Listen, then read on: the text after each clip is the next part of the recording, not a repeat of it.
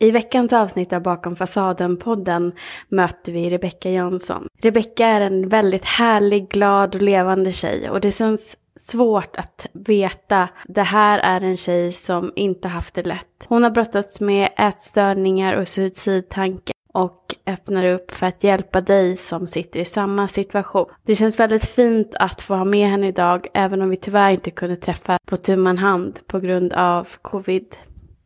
Vi spelas alltså in på distans och vi hoppas ändå att ni kommer vara nöjda med ljudet. Det här är ett viktigt avsnitt för alla som någon gång har mått dåligt och speciellt dig som brottas med ätstörningar.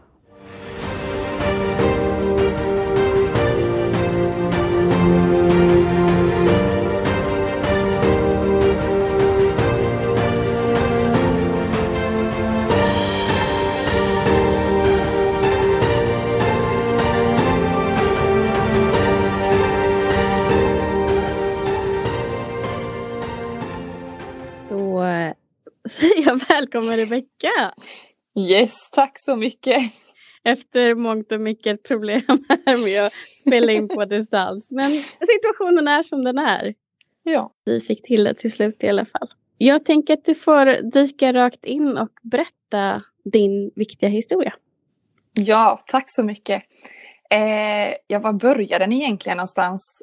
Eh, det började ganska tidigt. Mina föräldrar separerades när jag var sex år. Eh, och de bildade nya familjer ganska snabbt. Och eh, det var en stor omställning som eh, påverkade mig hårt. Eh, jag fick också syskon på båda sidorna inom loppet av två år. Eh, fantastiskt och hur mysigt som helst såklart. Men som sagt en stor förändring i livet. Eh, när jag var åtta år så eh, sjönk mina prestationer i skolan och mina lärare var eh, oroliga och undrade vad det kunde bero på. Jag drabbades också av magkatarr. Eh, trodde man då, eller man sa att det var det då i alla fall. Mm. Det var det säkert.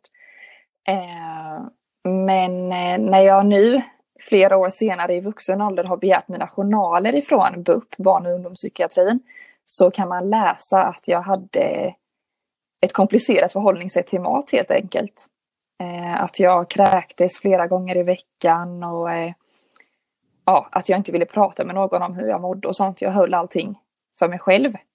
Men det var ju många år, år sedan, 20 år sedan och då visste man kanske inte så mycket om detta och förstod inte så mycket av det heller. Så det är egentligen de senaste åren som eh, min ätstörning eskalerade. Det var eh, under min tid på eh, gymnasiet skulle jag vilja säga.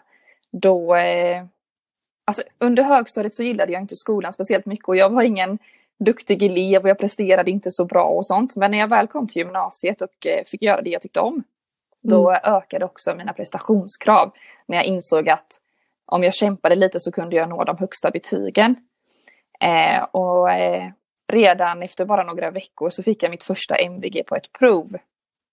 Eh, och det blev eh, starten på att jag skulle ha högst och bäst i allting och MVG när jag gick ut tre år hur senare. Så, hur såg det ut hemma? Hade du några prestationskrav hemifrån eller är det här någonting som, som kommer ifrån dig inuti? Nej, alltså det var inte så att mina föräldrar sa att jag var tvungen att gå ut med högst betyg eller sådär, utan det var nog självsatta krav för att eh, jag värderade mig själv mycket utifrån mina prestationer. Så om jag hade presterat bra så, ja, då var jag liksom duktig och eh, värd saker och ting. Okej. Okay. Mm. Det är ju jättevanligt, det är det här duktiga flicka-syndromet som många dras med. Precis, och det är ju absolut inget unikt eller bara att det har drabbat mig. Det är ju så himla vanligt idag alltså. Det, mm. Mm. Men därför är det viktigare att prata om det. Absolut, absolut. Eh, men sen blev det i alla fall, man går ju på såna här eh, hälsoundersökningar och sånt i skolan och eh, när jag hade min så, ja då min skolsköterska var väldigt fin, rakt på sak, sa vad hon såg och tänkte och sådär. Och det dröjde inte lång tid innan jag blev avstängd från idrotten i skolan. Och det var som en stor sorg och det var liksom min träning som var planerad. Jag skulle röra på mig då och sen helt plötsligt så fick jag inte göra det. Jag var jätteledsen och jag såg det som en eh, att hon typ svek mig. Och eh, jag skulle gå till min handledare eller mentor då och berätta att jag tyckte att hon var elak som hade förbjudit mig att vara med på idrottslektionerna och sånt. Men detta var ett beslut som var från alla alltså involverade, så min mentor hade varit med i det här beslutet också. Eh, jag tog det väldigt hårt och eh, där och då förstod jag inte så mycket av det för jag ville nog inte inse att jag hade problem eller att jag var sjuk. Eh, Vad var det för tankar som rörde sig i dig där och då? Det var mest, eh, jag var mest arg. Eh, och förstod liksom ingenting och tänkte att nu sabbar de för mig och hela tiden hade jag mina betyg i åtanke och om jag inte deltog på idrotten, hur skulle jag då kunna få ett betyg? Och det var ändå ett betyg som jag kände var lätt att uppnå högsta i. Mm. Eh, eller så. Men sen så eh, runt jul där, eh, höstterminen i tvåan, nej i trean blir det väl. Ja, jag kommer inte riktigt ihåg, men då skickade min skolsköterska en remiss till en ätstörningsenhet i alla fall. Och då fick jag för första gången komma i kontakt med en ätstörningsmottagning. Eh, jag var inte alls villig att ta emot hjälpen. Jag förstod, eller jag visste ju varför jag var där, men jag ville nog inte inse och jag ville förneka och att det inte var så farligt som de påstod att det var och så. Och när man kommer till en ätstörningsenhet så gör de först en eh, slags bedömning kan man säga. Så jag var ju eh, eh, man skulle träffa många olika personer, någon läkare, någon samtalsperson, man skulle lämna somatiska kontroller och sånt där. Och på ett möte när jag kom dit så skulle jag gå in i ett rum för att väga mig. Och då fick man inte ha sina kläder på sig utan man fick liksom ha ja, underkläder på sig, det var det man fick ha. Och då, eh, ja, jag totalvägrade och tänkte att aldrig i mitt liv, varför ska jag ta av mig och ställa mig på vågen inför någon som jag inte känner och knappt aldrig har träffat. Jag kände ingen tillit eller förtroende alls till det. Och som jag mm. sa innan så var jag nog inte ens villig att ta emot hjälpen då, utan jag gjorde det nog mer för att min skolsköterska skickade remissen och man skulle vara lite duktig och följa planen eller vad man ska säga. Eh, och detta var under jul, alltså på jullovet. Och eh, efter eh, jullovet och jag kom tillbaka till skolan så blev jag kallad på ett samtal till skolsköterskan. Och hon hade fått ett brev ifrån ätstörningsenheten där eh, de hade sagt upp min kontakt, eller jag hade gjort det kan man nästan säga, för i brevet så stod det att jag inte var villig att ta emot hjälpen och följa behandlingen. Och nu, många år senare och med facit i hand, så vet jag att det stämde. För att jag ville nog inte, jag var inte mogen, jag var inte redo. Eh, att acceptera, utan jag förnekade och levde i det här, den här bubblan. Sen eh, tog jag studenten, jag flyttade från stan, eh, jag åkte utomlands och jobbade jag, som guide, sen, eh, eller barnaktivitetsguide var det. Och sen eh, åkte jag utomlands och gjorde lite volontärresor i Afrika och sådär. Alltså jag, jag försökte nog fly lite från verkligheten samtidigt som jag faktiskt i perioder mådde jättebra och inte hade några bekymmer eller ja, att sjukdomen inte fanns så nära till hands. Sen var det eh, 18 dagar innan min eh, 23-årsdag eh, och idag är jag 28 så det är inte så många år sedan. Jag pluggade på distans och jag arbetade nästan heltid på en förskola så en fredag när klockan ringde så eh, förstod jag inte så mycket varför klockan ringde. Jag bara stängde av alarmet och sen låg jag kvar i sängen och så vidare. Jag eh, försover mig aldrig och eh, ja, som sagt, jag fattade inte. Och sen så eh, insåg jag väl att jag hade blivit lite för trött och hade gjort lite för mycket saker på kort tid eller vad man ska säga jag jobbade ju som sagt och sen så räckte inte tiden till och då fick jag ju gå upp på nätterna för att plugga och eh, kunna prestera det jag skulle göra på universitetet. Jag eh, jobbade ideellt för några organisationer Eh, mitt livspussel gick liksom inte ihop. Det var för mycket. Men det här med att det just blev en ätstörning, för nu nämner du inte mat alls utan mer prestationer. Precis. Och då tänker jag, var det mer också ett sätt att du liksom du glömde bort att äta eller var det att du tänkte mycket på mat överhuvudtaget? Nej, men det är ju som då den här sista situationen jag berättar om nu, det var då det eskalerade. För då låg jag bara i sängen mm. och jag kunde liksom inte prestera. Eh, och om jag inte gjorde någonting så kände jag mig inte heller värd maten. För jag var liksom, jag, vad ska man säga, jag... Eh, gjorde jag inget så var jag inte heller värd att äta. Så resonerade jag.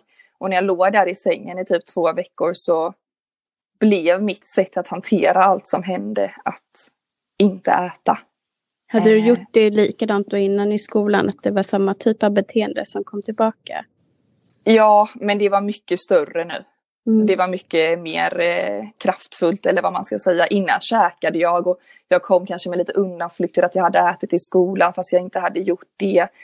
Eh, eller att jag hade ätit hos någon kompis men det hade jag inte. Alltså det fanns hela tiden undanflykter tidigare.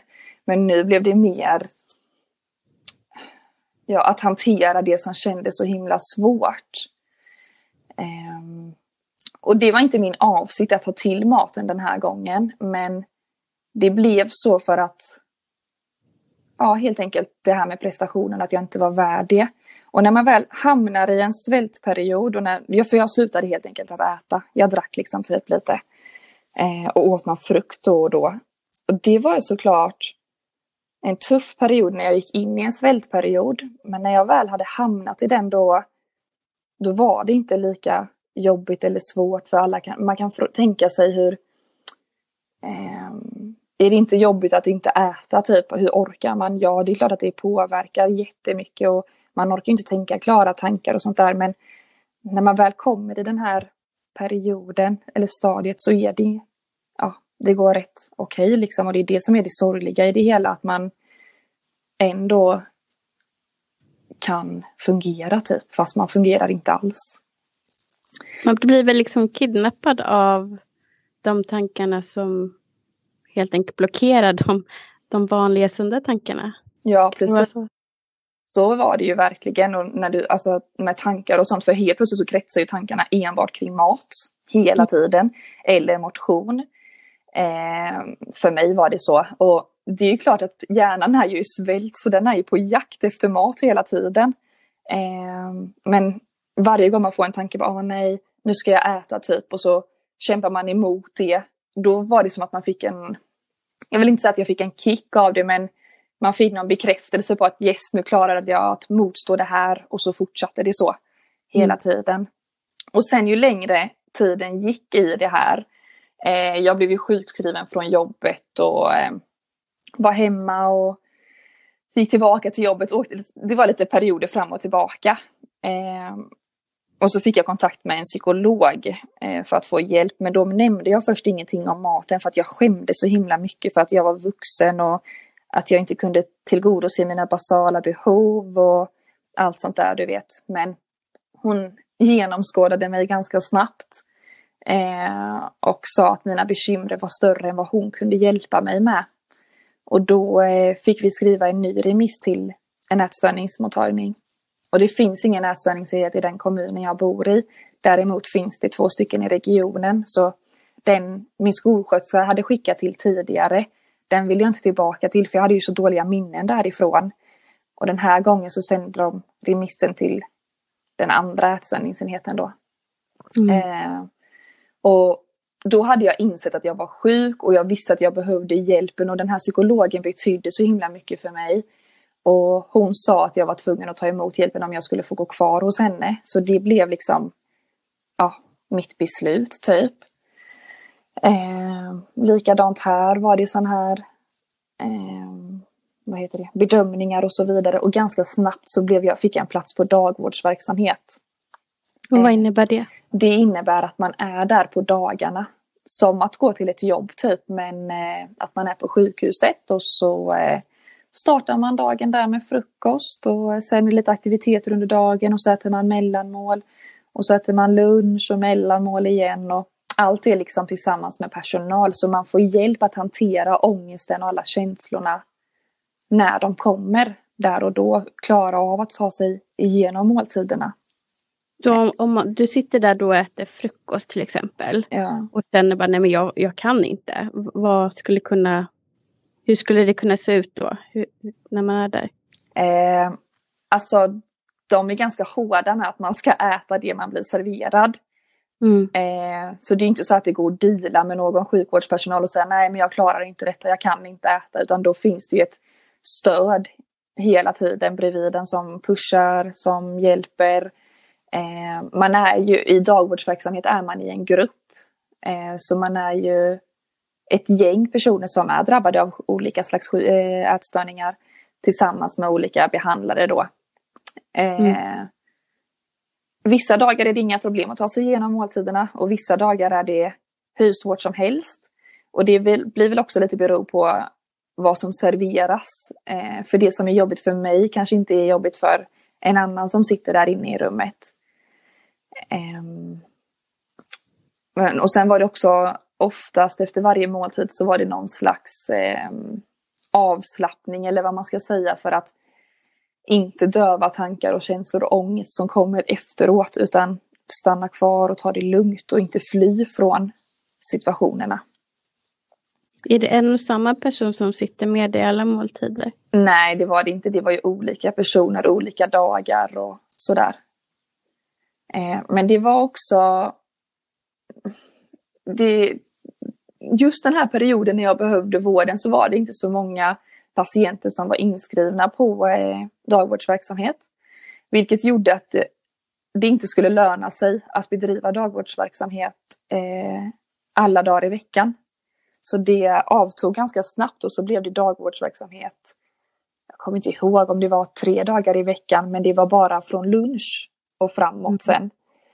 Eh, och det, det är så sorgligt när allt handlar om pengar för oavsett om det inte var så många som behövde det där och då så var jag en av dem som behövde det men inte fick det. Vilket gjorde att när jag bara var där kanske från halv tolv till tre då hade jag ju tid hemma på förmiddagen och jag hade tid på kvällen att vad ska man säga, kompensera för det jag skulle stoppa i mig under dagvårdsverksamheten. Så jag framstod kanske som en duktig patient där. Men sen när jag kom hem så var mina krav och på mig själv och alla beteenden så himla starkt rotade i mig. Ja, såklart. Eh, och sen, alltså ju längre tiden går och ju längre man är sjuk, upplever jag, så får man fler och fler beteenden. Man blir mer och mer restriktiv mot sig själv och jag skulle vilja säga att man har en förbjudet-lista typ på näringsämnen och mat som man får äta och inte får äta. Eh, och den här listan ser ju olika ut för, från person till person. Och den byggs på hela tiden skulle jag säga för att man, man är, sjukdomen är så stark så när man har klarat av någonting så ska man pressa sig själv lite hårdare, lite hårdare, lite hårdare. Hela tiden. Mm. Jag vet inte, jag gick väl där och hade den här typen av behandling i ett och ett halvt år skulle jag tro. Eh, och sen kände jag att det inte hjälpte mig och att ja, det skulle inte gå liksom, eller jag klarade inte det. det. Jag behövde mer och jag behövde mer omfattande vård för att ta mig ur det. Och det blev så där illa så att jag inte ville leva längre och hamnade på PIVA, eh, psykiatrisk intensivvårdsavdelning. Och sen låg jag på psyket också. Eh, och det är såklart alla de här negativa tankarna och att jag inte ville leva, det var ju en del i att jag inte tillgodosedde mina egna behov och inte gav min kropp näring och hjärnan möjlighet att tänka klara tankar. Mm. Eh, men jag hade så himla fint stöd ifrån några kollegor. Eh, utan dem så hade jag ju aldrig klarat mig skulle jag vilja säga. För de kämpade för mig när jag själv inte orkade kämpa. Eh, ja. Och vad var det egentligen, vad hände då när du hade de här suicidtankarna? Vad är det att du tyckte att du inte var värd? Men jag kände att det inte fanns någon mening. Livet var jättetufft och jättejobbigt tyckte jag. Och eh, jag kände att jag bara var en börda för alla runt omkring mig och att jag var till besvär och en tyngd liksom. Jag bidrog inte med någonting till någon men alla andra skulle ta hand om mig eller vad man ska säga. Och jag tänkte att jag var en belastning för dem och att de skulle få det mycket bättre om jag inte fanns och jag skulle få ett lugn som jag sökte på något sätt. För jag hade mm. inget lugn inom mig med alla tankarna. Det är liksom som att man är flera olika personer och att det är världskrig inombords. Mm. Ehm, mm. Så det var nog en känsla av lugn men det var också en känsla av att jag jag trodde helt enkelt att livet skulle vara och världen skulle bli bättre och finare utan mig.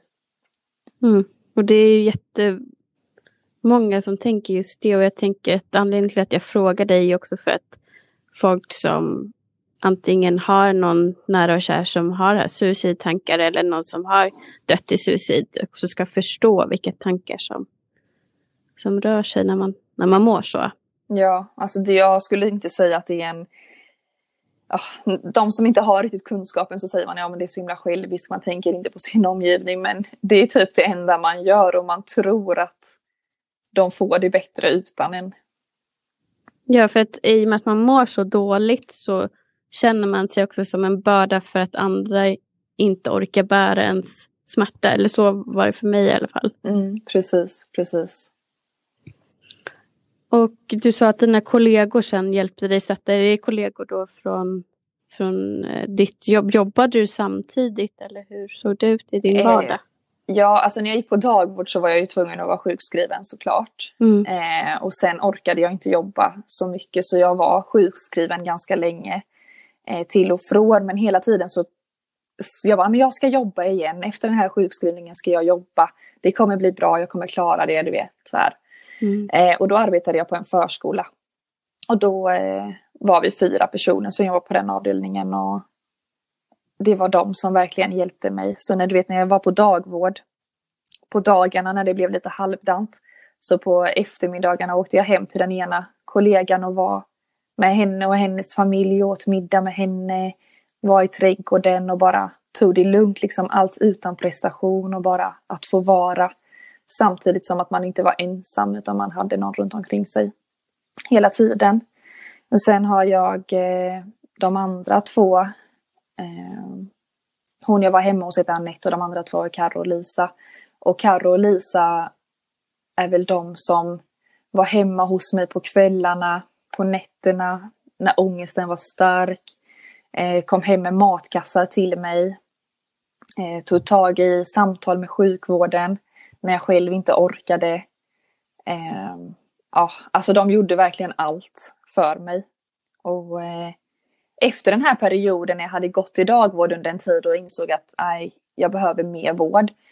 Så eh, då, skrev vi, då eh, begärde jag ut mina journaler för att jag kände att jag hade blivit orättvist behandlad ifrån eh, sjukvården. För mm. även om inte det skulle löna sig att bedriva dagvårdsverksamhet så var jag ändå sjuk och jag behövde vården. Eh, och man får kämpa så himla mycket. Det är ingenting som faller sig själv eller alltså att man, ja, man får dra ett stort lass själv och när man är sjuk så orkar man ju inte det. Eh, och då hjälpte de mig och då eh, Karo bland annat skrev ett brev till enhetschefen för eh, ätstörningsmottagningen och ifrågasatte deras eh, tillvägagångssätt i förhållande till mitt mående och hur jag hade det. Eh, det resulterade i att vi blev välkomna på ett möte där vi fick berätta min eh, historia och mina upplevelser. Och Karo berättade sitt och enhetschefen berättade deras syn på det hela. Eh, detta resulterade faktiskt i att hon eh, bekräftade och erkände att de hade gjort fel i min behandling. Och att hon tog sig till det och skulle göra förändringar, ta det högre upp i diskussioner. Åh, vad fantastiskt. Ja, och då tänkte jag väl att det det hjälper kanske inte mig nu men det kanske kan rädda någon i framtiden. Ja men verkligen. Mm. Och bara känna att man har ett sånt stöd ifrån så fina vänner som du har. Det är ju, ja som du sa också, exakt det man behöver när man mår så pass dåligt. Ja, exakt. Eh, det här mötet då, det slutade med eh, faktiskt att när jag skulle gå därifrån så sa enhetschefen att jag skulle kolla runt på olika Eh, eller vi var överens om att det inte skulle funka om jag inte, om jag inte fick mer vård och omfattande vård. Eh, för jag klarade mig liksom inte. Och då skulle jag kolla runt på olika behandlingshem som finns runt om i Sverige. Eh, vilket jag skulle kunna tänka mig, vilket jag trodde kunde vara bra för mig. Eh, så direkt när vi lämnade det där mötet så åkte jag och Carro iväg och sökte runt och letade och läste på. Mm. Eh, och då, jag hade inte kommit till det stadiet att jag ville lägga alla korten på bordet ännu och berätta för allt och alla vad jag genomgick. Eh, så jag tänkte att jag skulle välja Capio som låg i Stockholm för att då kunde jag säga att jag skulle iväg och studera och att det var därför jag skulle vara borta ett tag.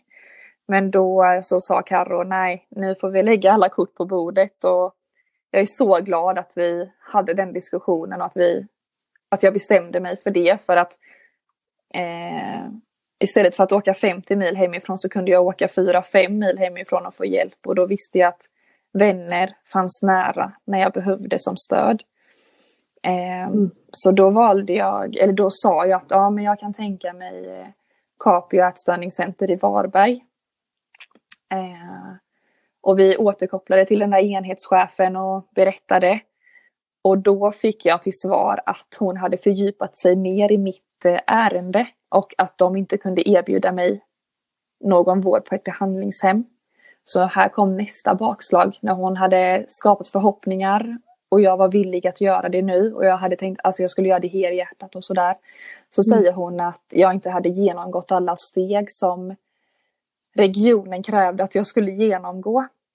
Och då hade jag liksom varit hos psykolog, jag hade varit i dagvård, jag hade varit på psyket, jag hade varit på psykiatrisk intensivvårdsavdelning. Jag visste liksom inte vad det var mer för steg jag skulle genomgå eller vilken typ av behandling det var. Och när vi ifrågasatte henne det så sa hon att det var eh, när jag låg inne på PIVA och på psyket så var det ingen planerad vård utan det var akut vård. Så jag hade ju kommit in akut de tillfällena. Eh, och då kunde man inte tillgodose det så de ville göra en plan för mig där jag skulle läggas in. Och då så sa jag aldrig i hela mitt liv för att jag mådde verkligen inte bra där inne. Eh, det är så sorgligt. Alla som är där är så himla himla sjuka. Eh, och jag blev absolut inte friskare i den miljön. Mm. Eh, och här någonstans så gav jag upp hoppet om allting och tänkte jag, jag struntar i vilket. Nu, nu får jag leva frisk fast sjuk. Så nu ska jag, nu ska alla få tro att jag är frisk fast jag är sjuk. Eh, och här tog eh, mina kollegor fort, alltså de kämpade och kämpade och de tog tag i det. Och sen gick allt väldigt snabbt. Jag var på ett eh, samtal i slutet på november och då han som är högsta chef inom psykiatrin i Halland då, han eh, hade skrivit på en betalningsförbindelse för allt handlar återigen om pengar, vilken vård man ska få, om man är värd vården eller inte känns det som ibland. Mm. Eh, och då skickades en, en remiss till eh, Capio ätstörningscenter i Varberg. Och eh, alltså det gick så snabbt. Sen fick jag en kallelse att jag var eh, välkommen på ett bedömningssamtal där de visade mig runt i lokaler och jag fick träffa behandlare och berätta mina, min problematik kring maten och mina kompensatoriska beteenden och tankar och känslor och ja, allt det där. Eh, och sen veckan efter så fick jag en plats eh, och lades då in och där bodde jag sen i eh, sex månader. Så det gick vägen tack vare dina vänner? Ja, det kan jag verkligen säga. För hade jag mm. kämpat själv i... Jag hade liksom inte orkat, eller jag orkade inte ta alla fighter. Så hade jag inte haft stöd runt omkring mig så... Jag hade inte den här resan fått det slutet det fick liksom. Var det Capio och Varberg då som du fick komma till? Ja, precis. Mm. Eh, och när man väl kommer in där... Eh, jag hade bestämt mig att jag skulle ge mig själv en ärlig chans. Jag skulle prioritera mig själv. Eh, det här skulle vara min tid och det var allt som betydde och var det viktigaste. Eh, till skillnad från tidigare så hade jag nog gjort många behandlingar för att andra tyckte att jag skulle göra det. Eh, men nu kände jag att nu är det min chans och nu ska jag ta den. Så jag gick in helhjärtat, jag litade på behandlingen och alltså jag helt enkelt hade en helt annan vilja. Eh, fortfarande, det betyder inte att det gick lätt eller att det var enkelt utan det var skittufft. Men det var ju personal dygnet runt där. Eh, man hade alltid personal runt omkring sig. Eh, fanns alltid hjälp nära till hands om man ville. Jag var inte alltid så bra på att be om hjälp eller ta emot hjälpen, att gå ner. Ja, jag bodde på andra våningen och så skulle man gå ner dit ner och be om hjälp. Och det kunde ta emot ibland, men bara känslan av att veta att den fanns så nära, det betydde så himla mycket. Och sen var den här behandlingen uppdelad i tre olika steg när jag var där. Jag vet att jag har förändrats nu. Men då var det eh, första steget att vara på kliniken och här inne var man den första tiden av behandlingen på behandlingshemmet. Eh, maten var serverad, man satt i en matsal tillsammans med alla andra. Man åt på bestämda tider, man hade distraherande verksamhet efter måltiderna. Man hade lektioner skulle jag vilja säga att det var för att de jobbar med en behandling som heter KBTE och den är inriktad på ätstörning. Eh, så vi hade mycket så här problemlösningar, känslohantering, eh, restriktivt ätande, vikt och figur. Ja, man grottade ner sig i det, alltså det som ätstörningen grundade sig i helt enkelt och de beteenden man hade. Och det var ingenting man bara nuddade vid någon gång då och då utan man jobbade och jobbade och jobbade hela, hela tiden. Och sen varje vecka så hade man vägningar och avstämning med läkare och man satte upp mål som man ville nå och sträva efter och sådär. Och jag vill minnas att på kliniken då som det första steget i behandlingen heter, där var man tills man kom upp till ett BMI på 19. Mm. Eh, för under där så är man i svält, eller hjärnan är i svält ansåg de. Och när man kom till BMI 19 sen då fick man lägga upp sin egen mat på tallriken. Eh, men då när kökspersonal eller annan personal stod och tittade på så att det blev en normal portion. För när man har levt i ätstörningens värld så himla länge så har man ju lurat hjärnan på något sätt att eller jag visste inte vad en normal portion var. Mm. Och jag visste inte hur mycket det skulle vara på tallriken. På, för mig kändes det som att det var liksom ett helt berg med mat för att jag hade liksom aldrig tagit en normal portion tidigare typ. Eh, det var också när man kom upp eh, lite högre i BMI som man fick möjlighet att gå ut och gå promenad själv. Tidigare fick man gå ungefär 20 minuter med personal om dagen. Bara för att komma ut på lite frisk luft liksom. Mm. Eh, ja, det var olika steg och det är ju det som är så bra där tycker jag, det är att den verkligen är skräddarsydd för individen. De har ju ett behandlingsprogram som de följer men de riktar ändå in sig på individen. Och det var första gången jag mötte det. Ehm, efter det här steget på kliniken så kommer man vidare till nästa steg. Jag tror det hette uppföljningen eller utslussningen, jag minns inte riktigt. Men här då, det är på samma område men det är ett annat hus och man har fortfarande tillgång till personalen som jobbar dygnet runt och sådär. Men här ska man ta lite mer ansvar. Eh, så man eh, fixar sin frukost och middag och lunch och mellanmål själv man gör en veckoplanering för hur man tänker att det ska ätas och sådär. Eh, och sen gör man detta tillsammans med de andra som bor, eller som är på det här steget då. Så det gäller ju verkligen att man, ja vad ska man säga, att man har förtroende för varandra och eh, gör det bästa för varandra. För när ätstörningens tankar sätter sig in så är man oftast ganska elak och slår på sig själv. Men jag ville ju inte sabba för någon annans behandling som var där, även om jag inte ville sabba för min egen heller. Men ibland är det lättare att tänka att man ska vara schysst och man ska göra det för varandra. Så ja, men här fortsatte man att ha sina lektioner, eh, jobbade vidare. Personal var i det här huset mellan åtta och halv fem tror jag. Så det fanns alltid någon nära till hands. Men behövde man någon på helger och kvällar eller nätter om det var så, då fick man gå in i det andra huset eller ringa på telefonen.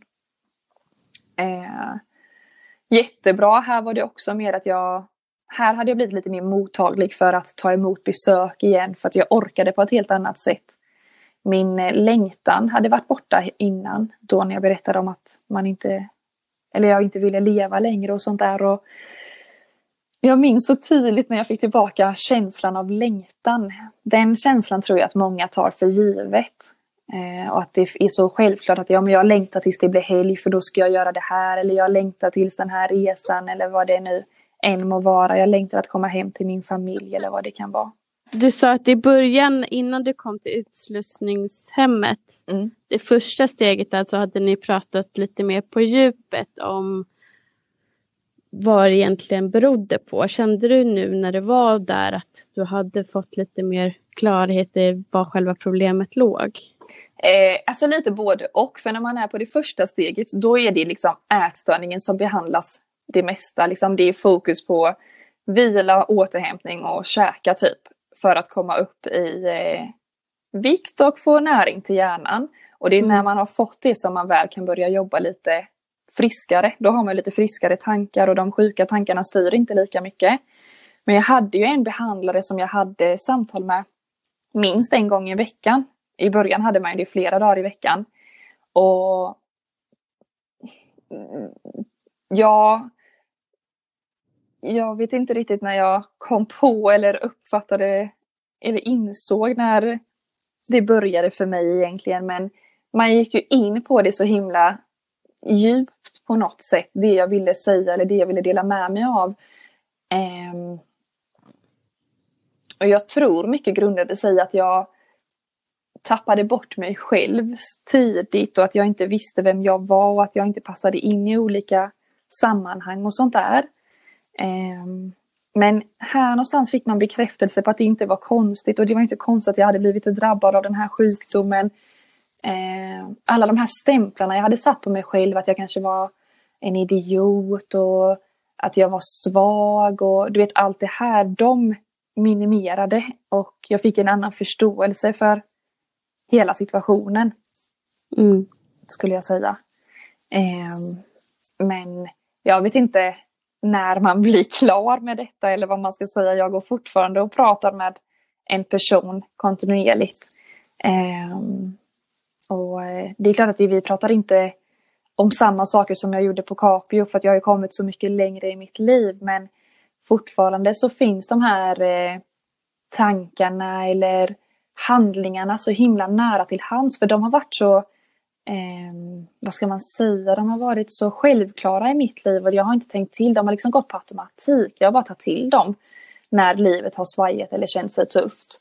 Eh, Men har du fått hjälp att, för jag tänker det här är ju en strategi som du har tagit till för att kunna kontrollera någon typ av otrygghet inuti dig. Mm.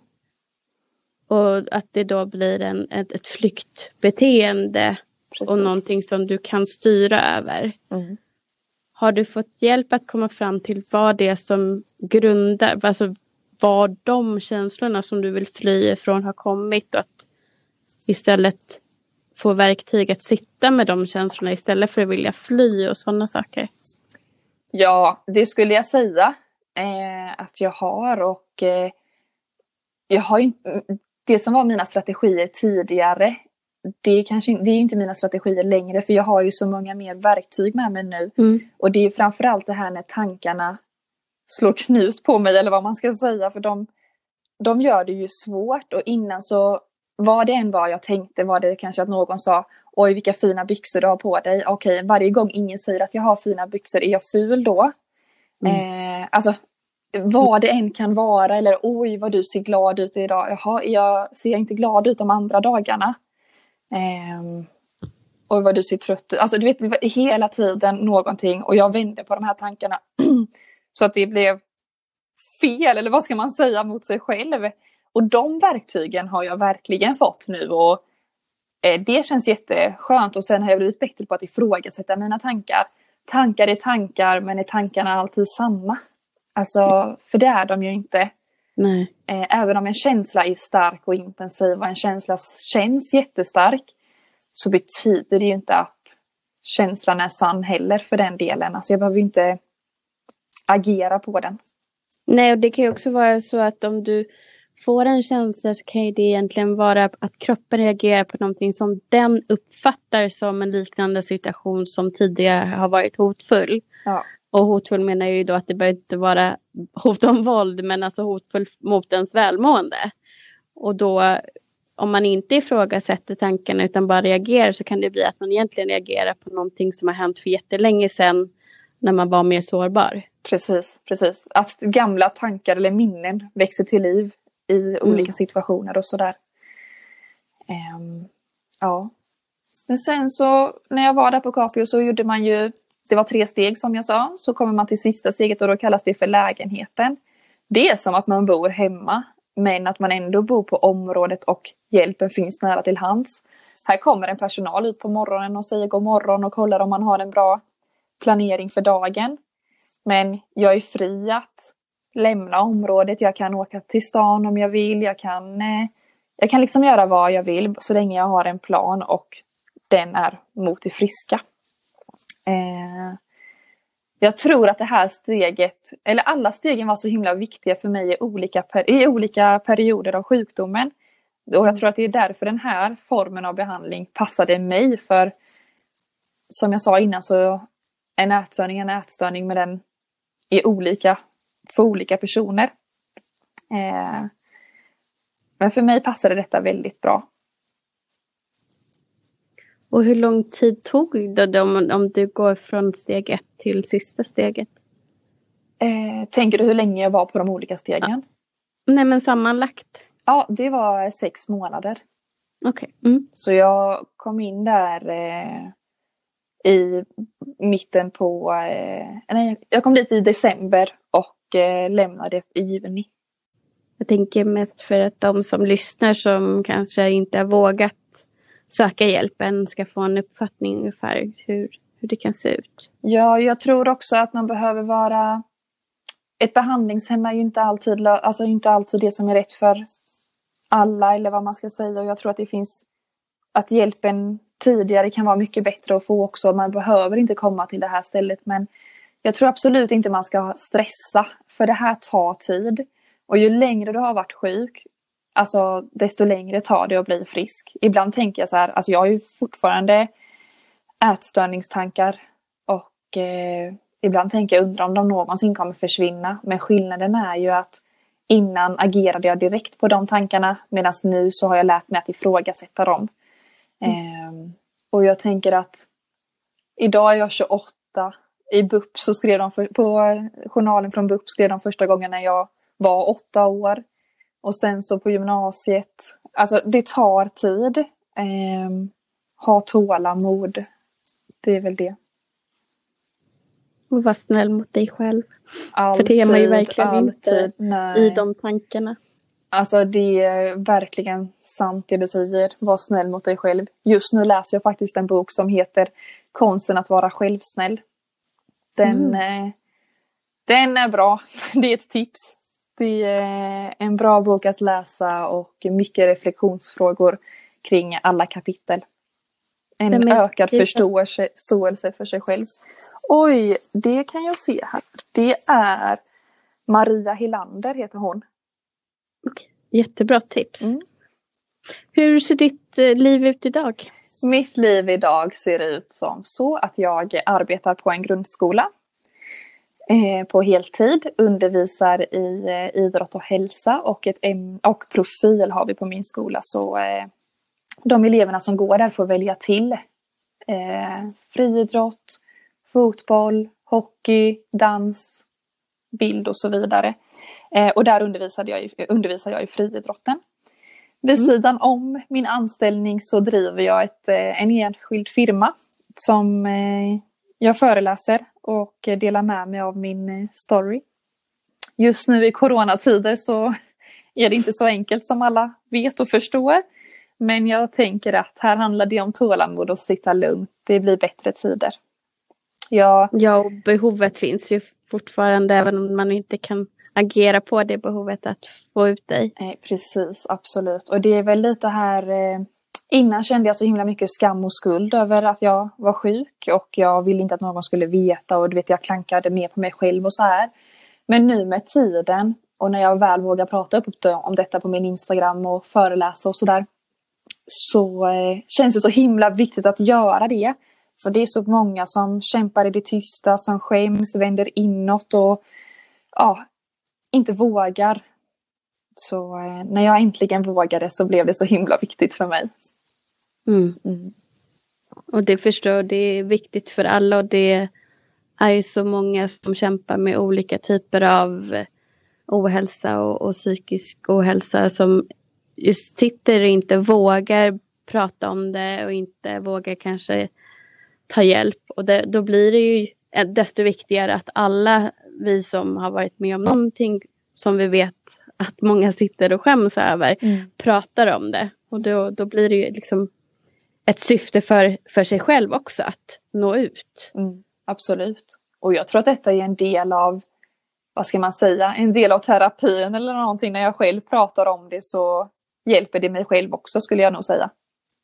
Ja, vad fint. Mm. Var når man dig om man sitter i en position på till exempel en skola och känner att det här vore ju jättebra att få ut Rebecka och föreläsa? Ja, om man, eh, då kan man nå mig på Instagram. Där heter jag Rebecka Jansson 92 med CC. Där finns även mina kontaktuppgifter till mejl och sådär. Eh, mejladress janssonrebecka92 gmail.com. Och det är kul att du säger det här om man nu sitter på en skola för jag upplever oftast att skolorna är lite rädda för att ta in föreläsare som ska prata om ätstörningar. För man är rädd att man väcker någonting hos någon. Mm. Eh, men jag skulle säga att hellre prata om det än att vara tyst. För om vi, om vi är tysta så bidrar vi till tabun kring det. Eh, vi tar in drogföreläsare, vi pratar om droger och sånt där. Men ätstörningar ska vi inte prata om. Men eh, det är så vanligt och jag tror på att prata högt och att det hjälper. Istället för och att... du vet, så det måste man ju faktiskt lyssna på och acceptera och faktiskt ta in för att när det kommer från någon som har varit där själv, det är mm. ni som vet. Ja.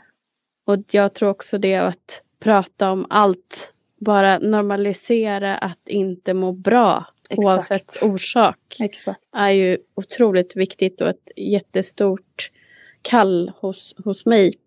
Mm. Så jätte, jättetack för att du har varit med idag och jag hoppas att vi får tillfälle och eh, ses på riktigt. Det hoppas jag med. eh, så att jag kommer ju länka såklart både din eh, hemsida och, och eh, din Instagram för alla som vill ta kontakt med dig och jag gissar att även de som vill bolla lite tankar och själv sitter med problematik kan höra av sig till dig. Alltid. Skicka bara ett eh, DM på Instagram. Jag svarar alltid alla. Ibland tar det lite tid men svar får ni. Ja, mm. vad fint. Och samma gäller ju såklart när ni vänder er till bakom fasaden på den på Instagram. Eh, jag är tillgänglig, bara inte alltid. Så dela jättegärna det här med de, de som kanske verkar vara i den problematiken eller någon som ni vet. För att vi behöver också få känna att vi inte är ensamma. Mm. Så tack igen Rebecka och ta hand om dig och alla du, ni som lyssnar, ta hand om er. Tusen tack för att jag fick vara med.